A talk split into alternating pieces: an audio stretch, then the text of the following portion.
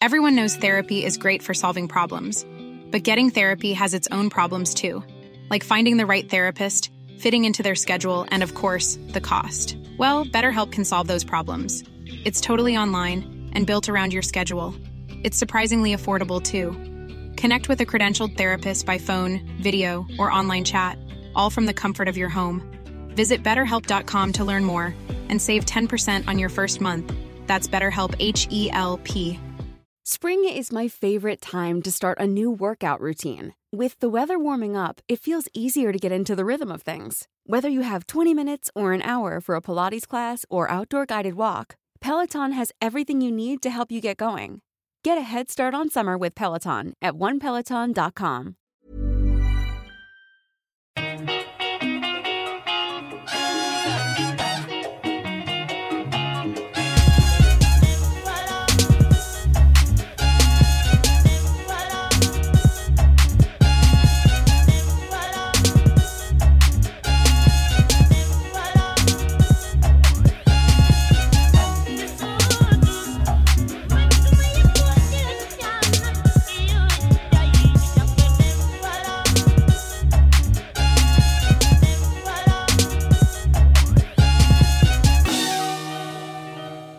Du lyssnar på Svart historia med mig, Amat Levin.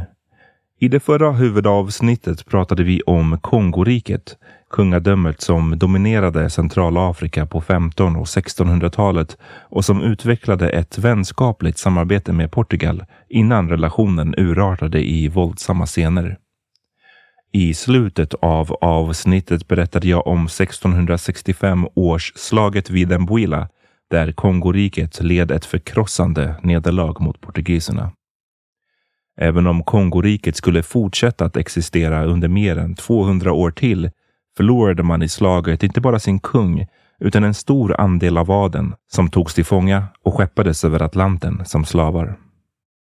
Då deras titlar togs ifrån dem och de såldes som namnlösa slavar är det av förklarliga skäl omöjligt att säga vad som sen hände med majoriteten av Kongos förslavade adelsmän. Men det finns några undantag. Ett sånt är Ganga Zumba. Han föddes runt 1630 och var son till Aqualtune, en kongolesisk prinsessa som sägs ha lett en styrka under slaget mot portugiserna. Efter förlusten var Aqualtune, Gangazumba och två av hans syskon några av de flera hundra adelsmän som förslavades. Han hamnade på ett sockerplantage i nordöstra Brasilien. Där var det tänkt att han skulle slita tills hans kropp gav upp för hans ägares vinning. Men Gangazumba hade andra planer.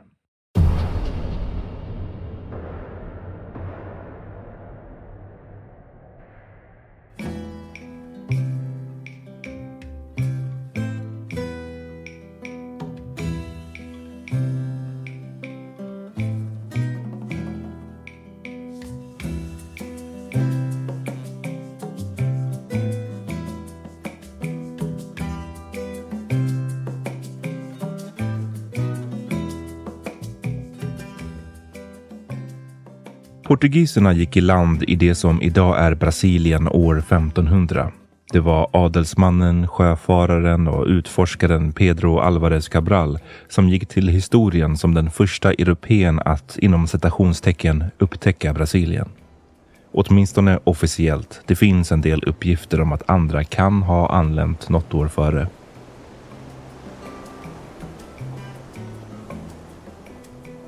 Cabral var ursprungligen på väg till Indien men av oklara anledningar hamnade flottan som han ledde långt västerut och när de till slut skymtade land var det Sydamerikas västra tipp.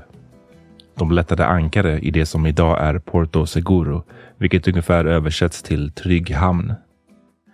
Till en början skedde en småskalig handel med ursprungsinvånarna i brist på andra mer åtråvärda råvaror fokuserade portugiserna på brasiljeträ som man kunde utvinna färgämne från.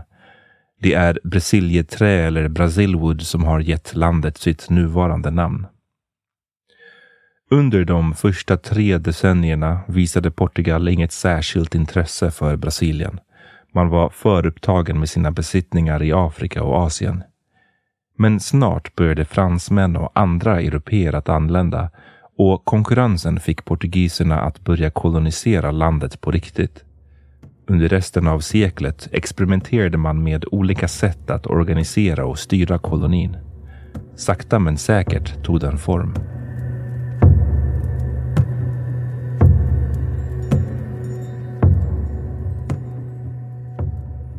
Från 1700-talet och framåt skulle nyligen upptäckta guld och diamantgruvor spela en avgörande roll. Men på 1600-talet var det sockerexporterna som var själva motorn i den brasilianska ekonomin. Precis som i resten av Amerika var det de olika ursprungsinvånarna som förslavades först. Men av olika anledningar kom man att med tiden föredra att istället köpa in människor från Afrika. Vill ni veta mer om varför och om det här kapitlet i stort, det transatlantiska slaveriet, kan jag rekommendera att ni lyssnar på avsnitt 6 och 7 från förra säsongen som helt och hållet handlar om det. På de stora sockerplantagen som bredde ut sig över Brasilien kom alltså förslavade afrikaner att sättas i arbete. Den första lasten importerades redan på mitten av 1500-talet och år efter år köptes allt fler in. De många plantagen bidrog till att Brasilien blev den enskilt största slavimportören under hela den transatlantiska människohandeln. Av de cirka 12,5 miljoner människorna som skeppades över Atlanten kom omkring 5 miljoner av dem till Brasilien. Genom sitt slit och lidande byggde de förslavade afrikanerna grunden som hela den brasilianska nationen skulle stå på.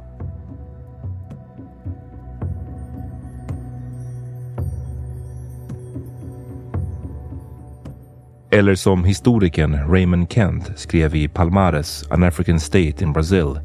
Citat. Utan slavar från Afrika, rapporterade en tidig portugisisk källa, är det omöjligt att åstadkomma något i Brasilien. Slutcitat.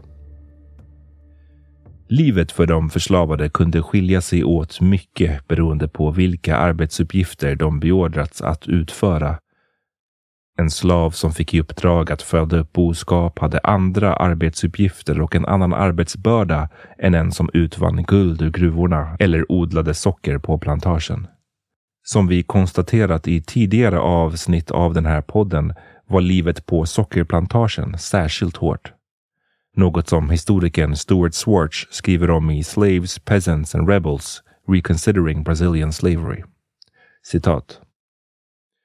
Under saffran, alltså skördandet, var kvarnarna igång hela natten och arbetet pågick ibland 18 till 20 timmar om dygnet med arbetet organiserat i skift inom bruket. Utmattande arbete, dålig kost och obehagliga och farliga förhållanden kombinerade till att göra socker till en särskilt hemsk gröda i alla den nya världens slavsamhällen. Brasilien var inget undantag. Slutcitat. Som vi har konstaterat tidigare i den här podden är slaveri förenat med motstånd. Överallt där slaveri förekom, förekom det också att de förslavade gjorde konstanta försök att bekämpa det. Och de gjorde det på massor av olika sätt. De kunde vägra arbeta, medvetet jobba så långsamt som möjligt, sabotera verktyg och annan utrustning, med våld göra uppror, ta självmord eller döda sin egen avkomma. En annan vanlig metod var att fly och över hela den brasilianska kolonin kastade de förslavade sina verktyg och rymde in i natten. Ofta organiserade de sig sen i små undangömda byar eller samhällen som på engelska är kända som maroon communities eller maroon colonies eller maronkolonier på svenska. Dessa rymmande afrikaner blev ännu vanligare i Brasilien när ett utdraget krig mellan Nederländerna och Portugal om kontroll över regionen bröt ut på slutet av 1620-talet. Allt fler förslavade utnyttjade konflikten och kaoset till att rymma. I de svårgenomträngliga djunglerna formade de samhällen kända som Mocambos och senare Quilombos. Quilombos var generellt större och kunde utgöras av flera Mocambos. Båda orden har sitt ursprung i det centralafrikanska språket kimbundu som talades och talas i det som idag är Angola, platsen där flest afrikaner skeppades ifrån mot Brasilien. Mokambo kommer från mukambo, ett ord som översätts till ungefär gömställe, medan Quilombo har sitt ursprung i Quilombo, en term som betyder ungefär krigsläger och även kan referera till ett samhälle där initiationsriter utfördes. På många håll i dagens Sydamerika har Quilombo dock fått en annan betydelse och refererar ofta istället till kaos eller oordning. De flesta av dessa gömställen var små, relativt oorganiserade och ibland till och med temporära. Vissa blev dock större och hade en tydlig ledarskapshierarki. Men alla bleknade inför ett av dessa samhällen.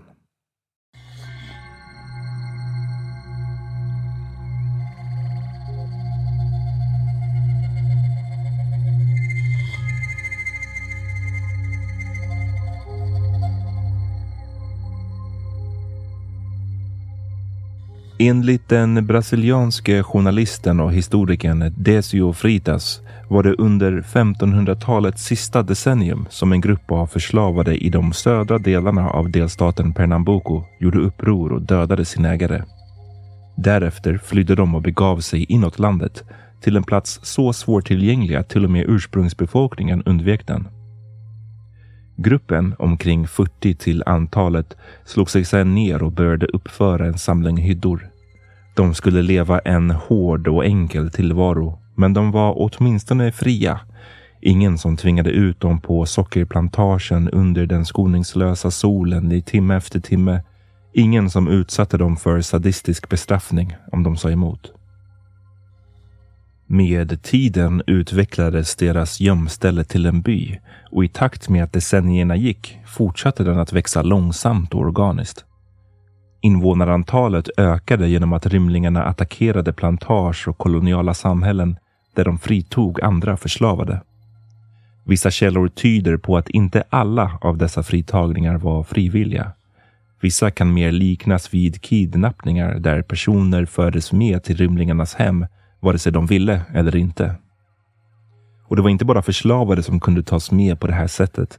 Enligt vissa av de europeiska vittnesmålen kunde även fria, vita, mixade och ursprungsinvånare, särskilt kvinnor, tas. Snart växte byn ihop med andra gömmor.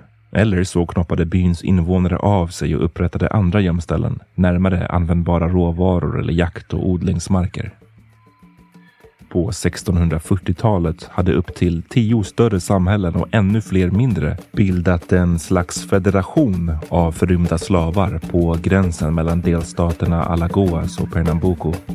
Federationen fick namnet Quilombo dos Palmares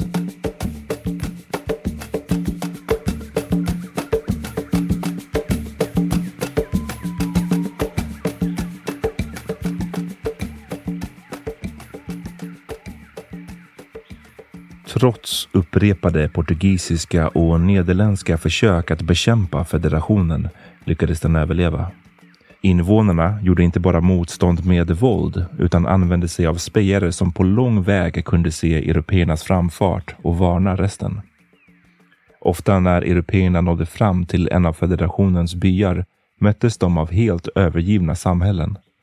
Invånarna hade sedan länge packat upp sina saker och flytt längre in i djungeln. Flera av européernas misslyckade expeditioner för att inta federationen producerade åtminstone mängder av skriftliga vittnesmål om den, vilket gör det möjligt för oss idag att skapa oss en bild av hur den såg ut. Som vanligt när den här typen av källor är skrivna av utomstående får man ha med sig att de präglas av deras synsätt, fördomar och vad de hoppades uppnå. En annan tillgänglig källa är den muntliga brasilianska traditionen men den har samma inneboende problem som all muntligt historieberättande. I boken Africa and the Americas Interconnections during the Slave Trade skriver historikern Jane Landers att ledaren för en nederländsk expedition år 1645 vittnade om att det i federationens huvudort Makako fanns ett palats. De förrymda förslavade hade även byggt 220 hus uppfört en kyrka och byggt fyra smedjor som kantade en bred huvudgata.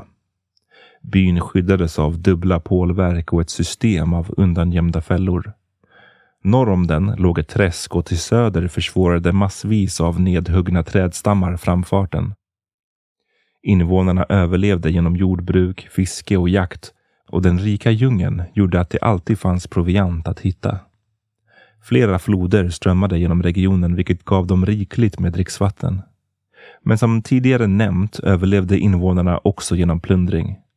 De anföll både karavaner och plantage och passade då på att stjäla mat, vapen, verktyg och boskap. Men som sagt, de fritog och ibland även kidnappade andra förslavade. Invånarna sägs ha refererat till sitt rike som Angola Janga, vilket påstås översättas till ungefär Lilla Angola. Ytterligare en referens till platsen många av dem härstammade ifrån. I boken The Human Tradition in Colonial Latin America skriver historikern Mary Courage att samhället fungerade kommunitariskt, att ägandet var begränsat och att allt, till stor del, tillhörde alla. Citat. Familjer fick mark under förutsättning att de gav allt överskott till gruppen. Slutcitat. Lite senare fortsätter hon. Citat. Tillsammans bearbetade de åkrarna, sådde fröna och skördade frukterna. Eftersom jorden var så bördig kunde de skörda majs två gånger varje år. Deras arbetsdag omfattade sex timmar, från gryning till lunch, i motsats från 12 till 18 timmar på kustplantagerna. I slutet av skörden kalasade de och dansade i en vecka. Deras arbete var inte tillägnat Europas sockerkonsumenter, utan deras familjer. De skördade matgrödor, det vill säga majs, bönor, kassava, sockerrör och sötpotatis. Eventuellt överskott sparades i ett lager beläget i centrum av staden till förmån för Makambon, dess hövdingar och krigare, dess barn, gamla och sjuka. De avsatte också ett överskott för nödsituationer, särskilt torka och externa attacker. Ytterligare livsmedel utbyttes med närliggande plantager mot tillverkade föremål som de inte kunde producera själva. Slutcitat. Men det var inte helt enkelt att bli medlem i gemenskapen. Historikern Mary Karash igen. Citat. En nyrekryterad var tvungen att underkasta sig en lång provperiod som inkluderade att göra räder och tillfångata en ersättare för sig själv, varefter han kunde införlivas i en familj och få tillgång till mark. Slutcitat. Det här sista är värt att stanna vid. Förslavade som på egen hand lyckats rymma och ta sig till Palmares blev fria när de kom dit men flera källor tyder alltså på att de som räddades eller inom citationstecken fritogs från plantager inte automatiskt blev fria. I själva verket verkar de ha fortsatt att inneha sin slavstatus. I alla fall tills de själva följde med i nya attacker mot andra plantager och fritog slavar som kunde så att säga ersätta dem. Mary Courage skriver även lite om förhållandet mellan män och kvinnor i samhället som på många sätt var raka motsatsen till hur livet såg ut i de koloniala kuststäderna. Citat. Män utgjorde arbetskraften. Kvinnor var de som organiserade och övervakade arbetet som familjens överhuvud. Varje kvinna kunde ha så många som fyra eller fem makar som arbetade för henne och deras hushåll. Slutcitat. Att det såg ut så här kan sannolikt kopplas till könsfördelningen. Att det i Palmares konstant verkar ha funnits fler män än kvinnor. Du lyssnar på Svart historia med mig, Amat Levin. Avsnittet fortsätter efter pausen. Everyone knows therapy is great for solving problems. But getting therapy has its own problems too. Like finding the right therapist, fitting into their schedule, and of course, the cost. Well, BetterHelp can solve those problems. It's totally online and built around your schedule. It's surprisingly affordable too. Connect with a credentialed therapist by phone, video, or online chat, all from the comfort of your home. Visit betterhelp.com to learn more and save 10% on your first month. That's BetterHelp H E L P. Spring is my favorite time to start a new workout routine. With the weather warming up, it feels easier to get into the rhythm of things. Whether you have 20 minutes or an hour for a Pilates class or outdoor guided walk, Peloton has everything you need to help you get going. Get a head start on summer with Peloton at onepeloton.com. Tack till alla er som stöttar det här arbetet på patreon.com svarthistoria. Vill du göra det också så kan du gå in på den adressen och kolla vad som gäller. Du kan få tillgång till reklamfria avsnitt och slippa de här reklampauserna alltså. Men även bonusepisoder, bilder och kartor som hör till avsnitten och lite sånt. Nu fortsätter berättelsen.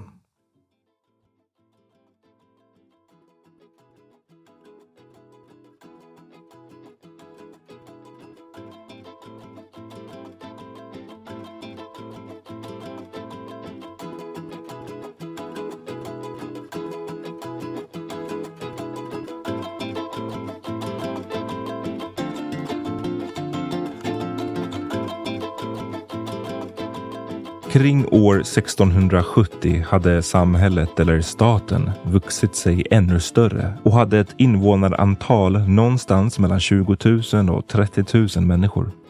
Allt var under ledning av Ganga Zumba, sonen till den kongolesiska prinsessan Aqualtune och mannen som det här avsnittet inleddes med. Inte mycket är känt om hur han lyckades undkomma fångenskapen, men klart är att han flydde och likt många andra förrymda slavar begav sig till delstaten Pernambucos skogstäckta bergstoppar. Gangazumba var antagligen inte hans riktiga namn utan en titel.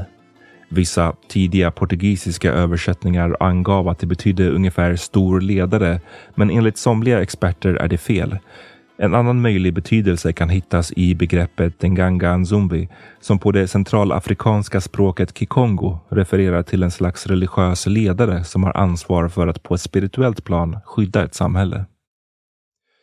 Under sig hade Ganga Zumba en samling hövdingar som ledde de mindre byarna.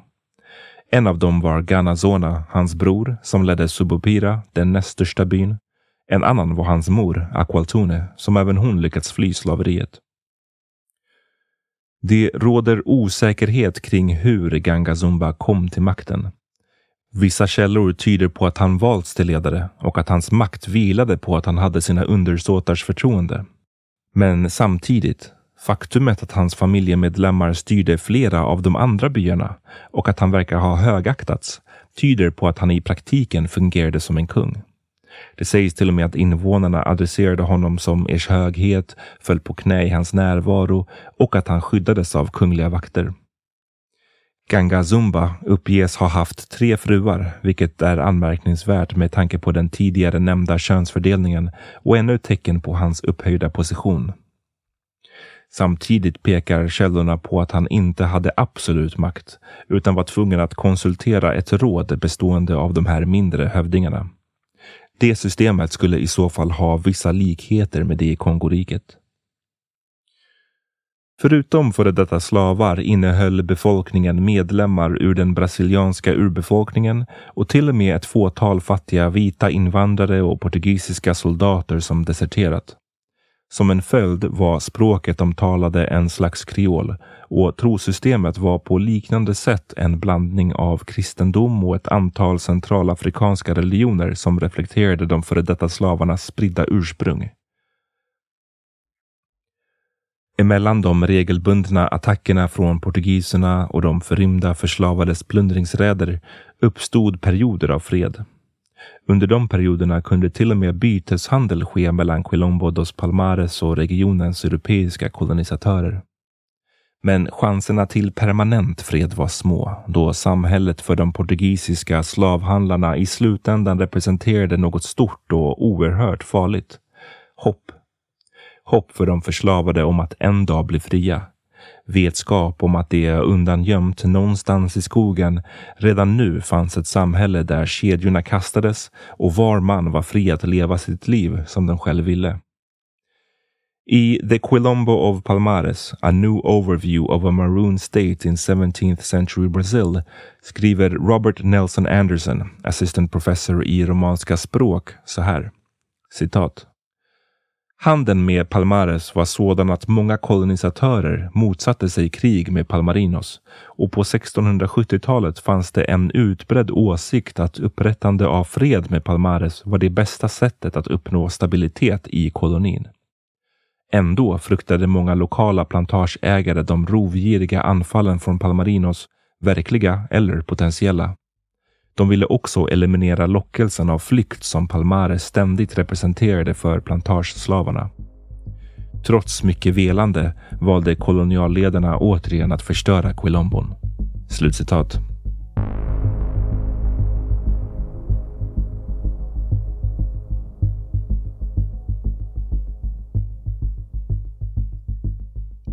I decennier var Quilombo dos Palmares ett formidabelt hot mot de portugisiska kolonisatörerna och återkommande strider mellan sidorna ledde till svåra förluster för båda.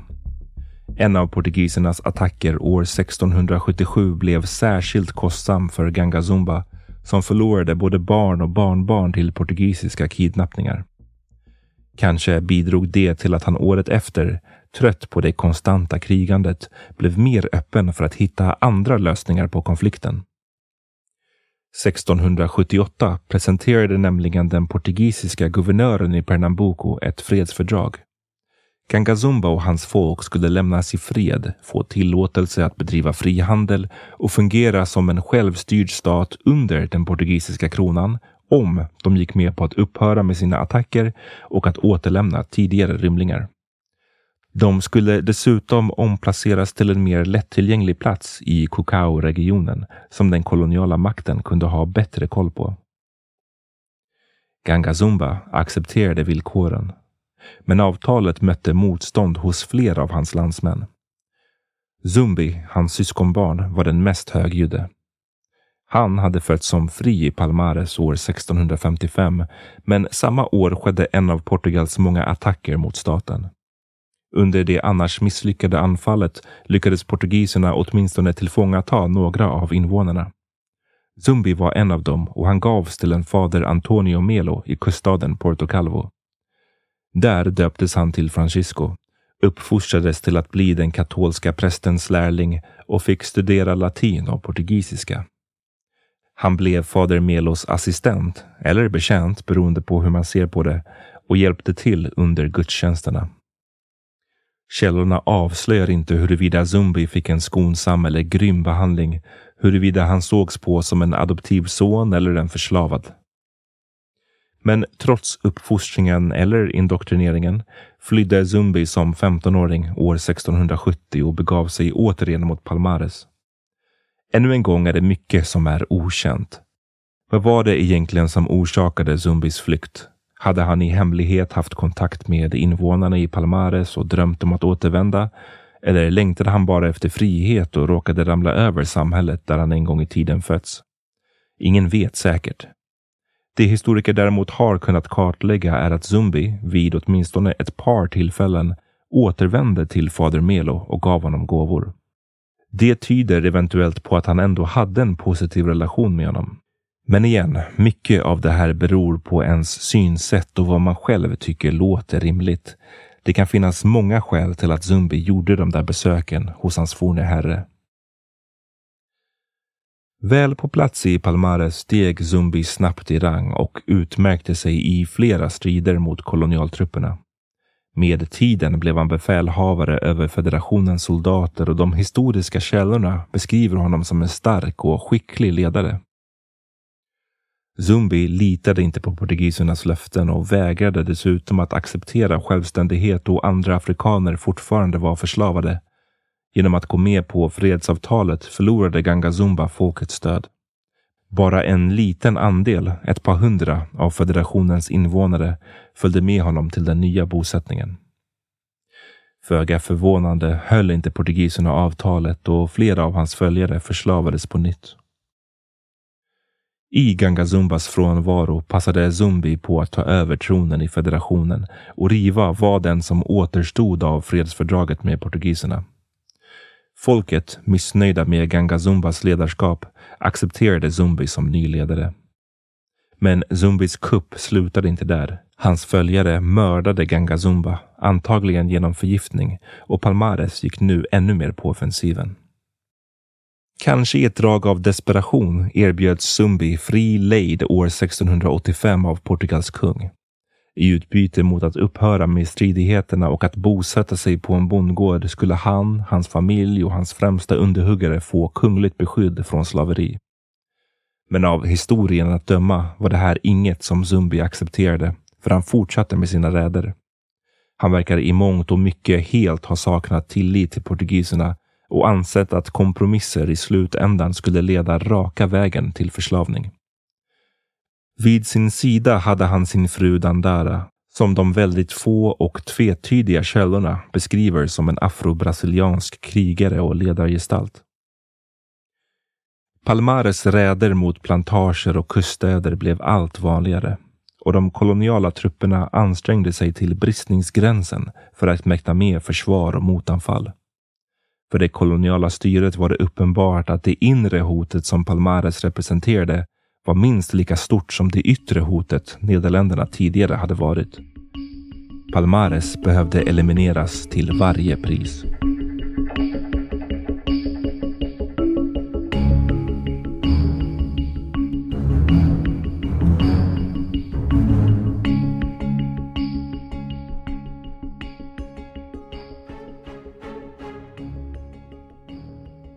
Trots många och kostsamma försök att besegra Zumbis gerillakrigare fortsatte Quilombo dos Palmares att vara ett hot under hela 1680-talet. För Pernambucos guvernör blev det uppenbart att en ny strategi behövdes. Alla kunde se att sporadiska och slarvigt utförda expeditioner inte hade någon riktig inverkan. Vad som behövdes för att slutligen besegra motståndet var inte en samling snabbt rekryterade miliser utan en organiserad och välutrustad armé. Valet föll på Domingo Jorge Velo från Sao Paulo-trakten. Han var en så kallad banderante eller flaggbärare, namnet som gavs till en samling män som fungerade som både äventyrare, utforskare, soldat och slavhandlare. De spelade en avgörande roll i kolonins expansion västerut och under tiden slog de sönder ursprungsinvånarnas samhällen och tillfångatog afrikanska förslavade som rymt. Domingo H.H. Velo ledde en grupp män med rötter i både Portugal och den brasilianska ursprungsbefolkningen. De var prisjägare och lyckosökare, tungt beväpnade och vana att röra sig genom den tropiska vildmarken. Mot löftet att de skulle få bland annat pengar, land, förnödenheter, skattelättnader och amnesti för eventuella brott kontrakterades de för att förgöra Quilombo dos Palomares.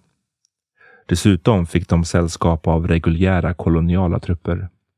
Sammantaget uppgick armén till omkring 9000 man, den största att någonsin marschera mot rymlingarna. Expeditionen inleddes 1692 men den avgörande striden ägde rum i början på 1694 då Palmares centrala by Macaco belägrades av Pernambucos koloniala militär och Domingo Jorge Velos legosoldater. Byn skyddades av en stor mur och framför den hade djupa diken grävts som fyllts med fotanglar, små träföremål med vassa spetsar upp till. Dikena var täckta av löv, grenar och bråte för att gömma fällorna och skapa en slags fallgropar. Så trots tusentals soldater och tillgång till artilleri tog det flera veckor för inkräktarna att lyckas penetrera försvarsanläggningarna. Under tiden hann majoriteten av byns befolkning fly under skydd av natten, men Zumbi och en liten styrka valde dock att stanna kvar och försvara samhället med sina liv. En morgon sprängdes slutligen muren och fiendesoldaterna välde in. Drygt 400-500 rymlingar dog, ungefär hälften efter att ha fallit ner för en klippa. I olika versioner sägs de antingen ha ramlat eller självmant ha slängt sig ner för att undvika portugisernas repressalier. I The Human Tradition in Colonial Latin America skriver historikern Mary Carrage citat. Macaco plundrades och brändes till marken. Efter Makakos förstörelse attackerade den segerrika armén svagare Mokambos och fortsatte att döda männen och fånga kvinnorna och barnen. Få av dem överlevde dock eftersom mödrarna dödade sina barn för att de inte skulle bli förslavade och sedan svälte ihjäl sig själva. Slutcitat. Dandara, Zumbis fru, tros ha varit en av dem som begick självmord för att undvika fångenskap. Vad som hände med Aqualtune, Gangazumbas mamma, är inte känt. Zumbis öde är däremot dokumenterat. Han undkom den initiala attacken med ett par hundra av hans undersåtar och fortsatte sin gerillakrigsföring mot portugiserna under mer än ett år. Trots att han gjorde bäst i att hålla sig gömd uppenbarade han sig med jämna mellanrum och genomförde sina räder i jakt på proviant, vapen, ammunition och nya rekryter.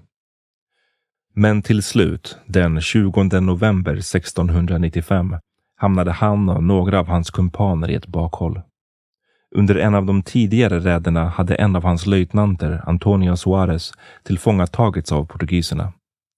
De torterade honom för att få honom att röja Zumbis gömställe. Suarez höll ut länge, men gick till slut med på att avslöja var Zumbu höll till i utbyte mot att få sin frihet säkrad. Han uppges själv ha följt med de koloniala trupperna för att tillfångata Zumbi. När deras gömställe hittades vägrade Zumbi och hans män att kasta sina vapen. Istället stred de, men övermannades till slut och dödades brutalt. Deras kroppar stympades. Zumbis kropp uppges ha genomborrats av minst 15 kulor och kroppen visade tecken på oräkneliga slag av trubbiga vapen. Han uppges även ha kastrerats och hans avhuggna huvud släpades med, sattes på en pik och visades upp offentligt i Pernambucos huvudstad Recife.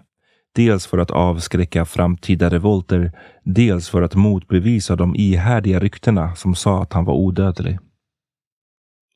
Efter decennier av motstånd var Quilombo dos Palmares slutligen tillintetgjort, åtminstone som stat. Federationen hade bestått av flera samhällen och tusentals invånare, men utan ett centralt ledarskap flydde de överlevande djupare in i djungeln eller högre upp i bergen, där de fortsatte leva ett fritt liv. I alla fall tills de på nytt började jagas av den expanderande kolonialmakten. Men många av rymlingarna drog lärdomar av Palmares öde. Istället för att organisera sig i stora samhällen som genom sitt omfång gjordes till måltavlor organiserade de sig i mindre grupper som lättare kunde hålla sig gömda och enklare passerade under radarn. Vissa av dem upptäcktes inte förrän långt in på 1900-talet.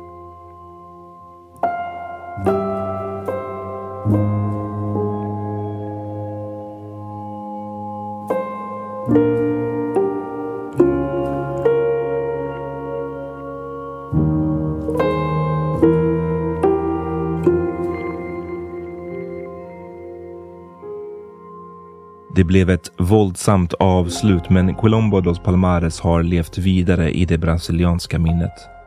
Aldrig tidigare eller senare hade ett samhälle av förrymda slavar representerat ett sådant stort hot mot den koloniala makten. Mot det grymma slaveriet och den djupa rasistiska och institutionaliserade orättvisan. Att de i slutändan vägrade vika ner sig trots oddsen har gjort invånarna av Quilombo dos Palmares till en slags martyrer som hellre valde döden än slaveri. Minnet av Zumbi och Palmares hålls vid liv genom Dia de Conciencia Negra. Det översätts till ungefär Black Awareness Day eller dagen för svart kunskap eller medvetande. Den firas den 20 november varje år i Brasilien, samma dag som Zumbi mördades. Ett tecken på hur han och resten av Quilombo dos Palmares har blivit symboler för den afrobrasilianska kampen för frihet.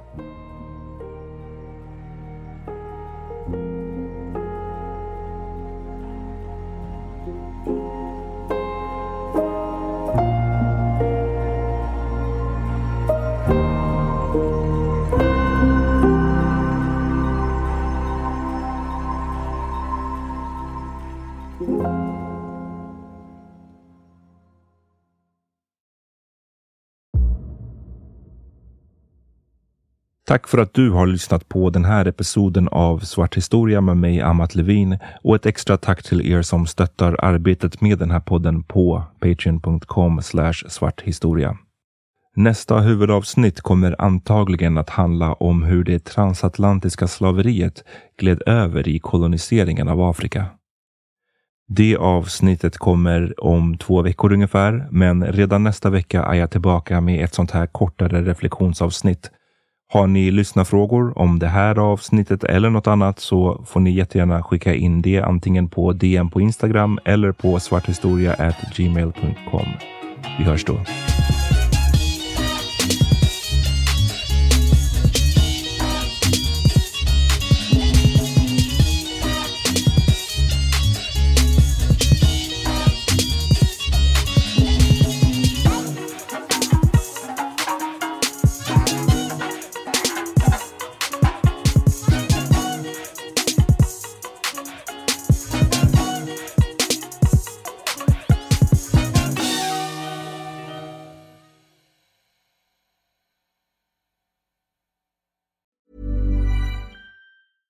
Hey, it's Danny Pellegrino from Everything Iconic.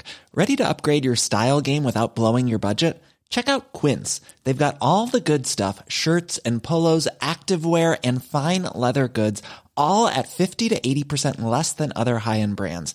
And the best part? They're all about safe, ethical, and responsible manufacturing.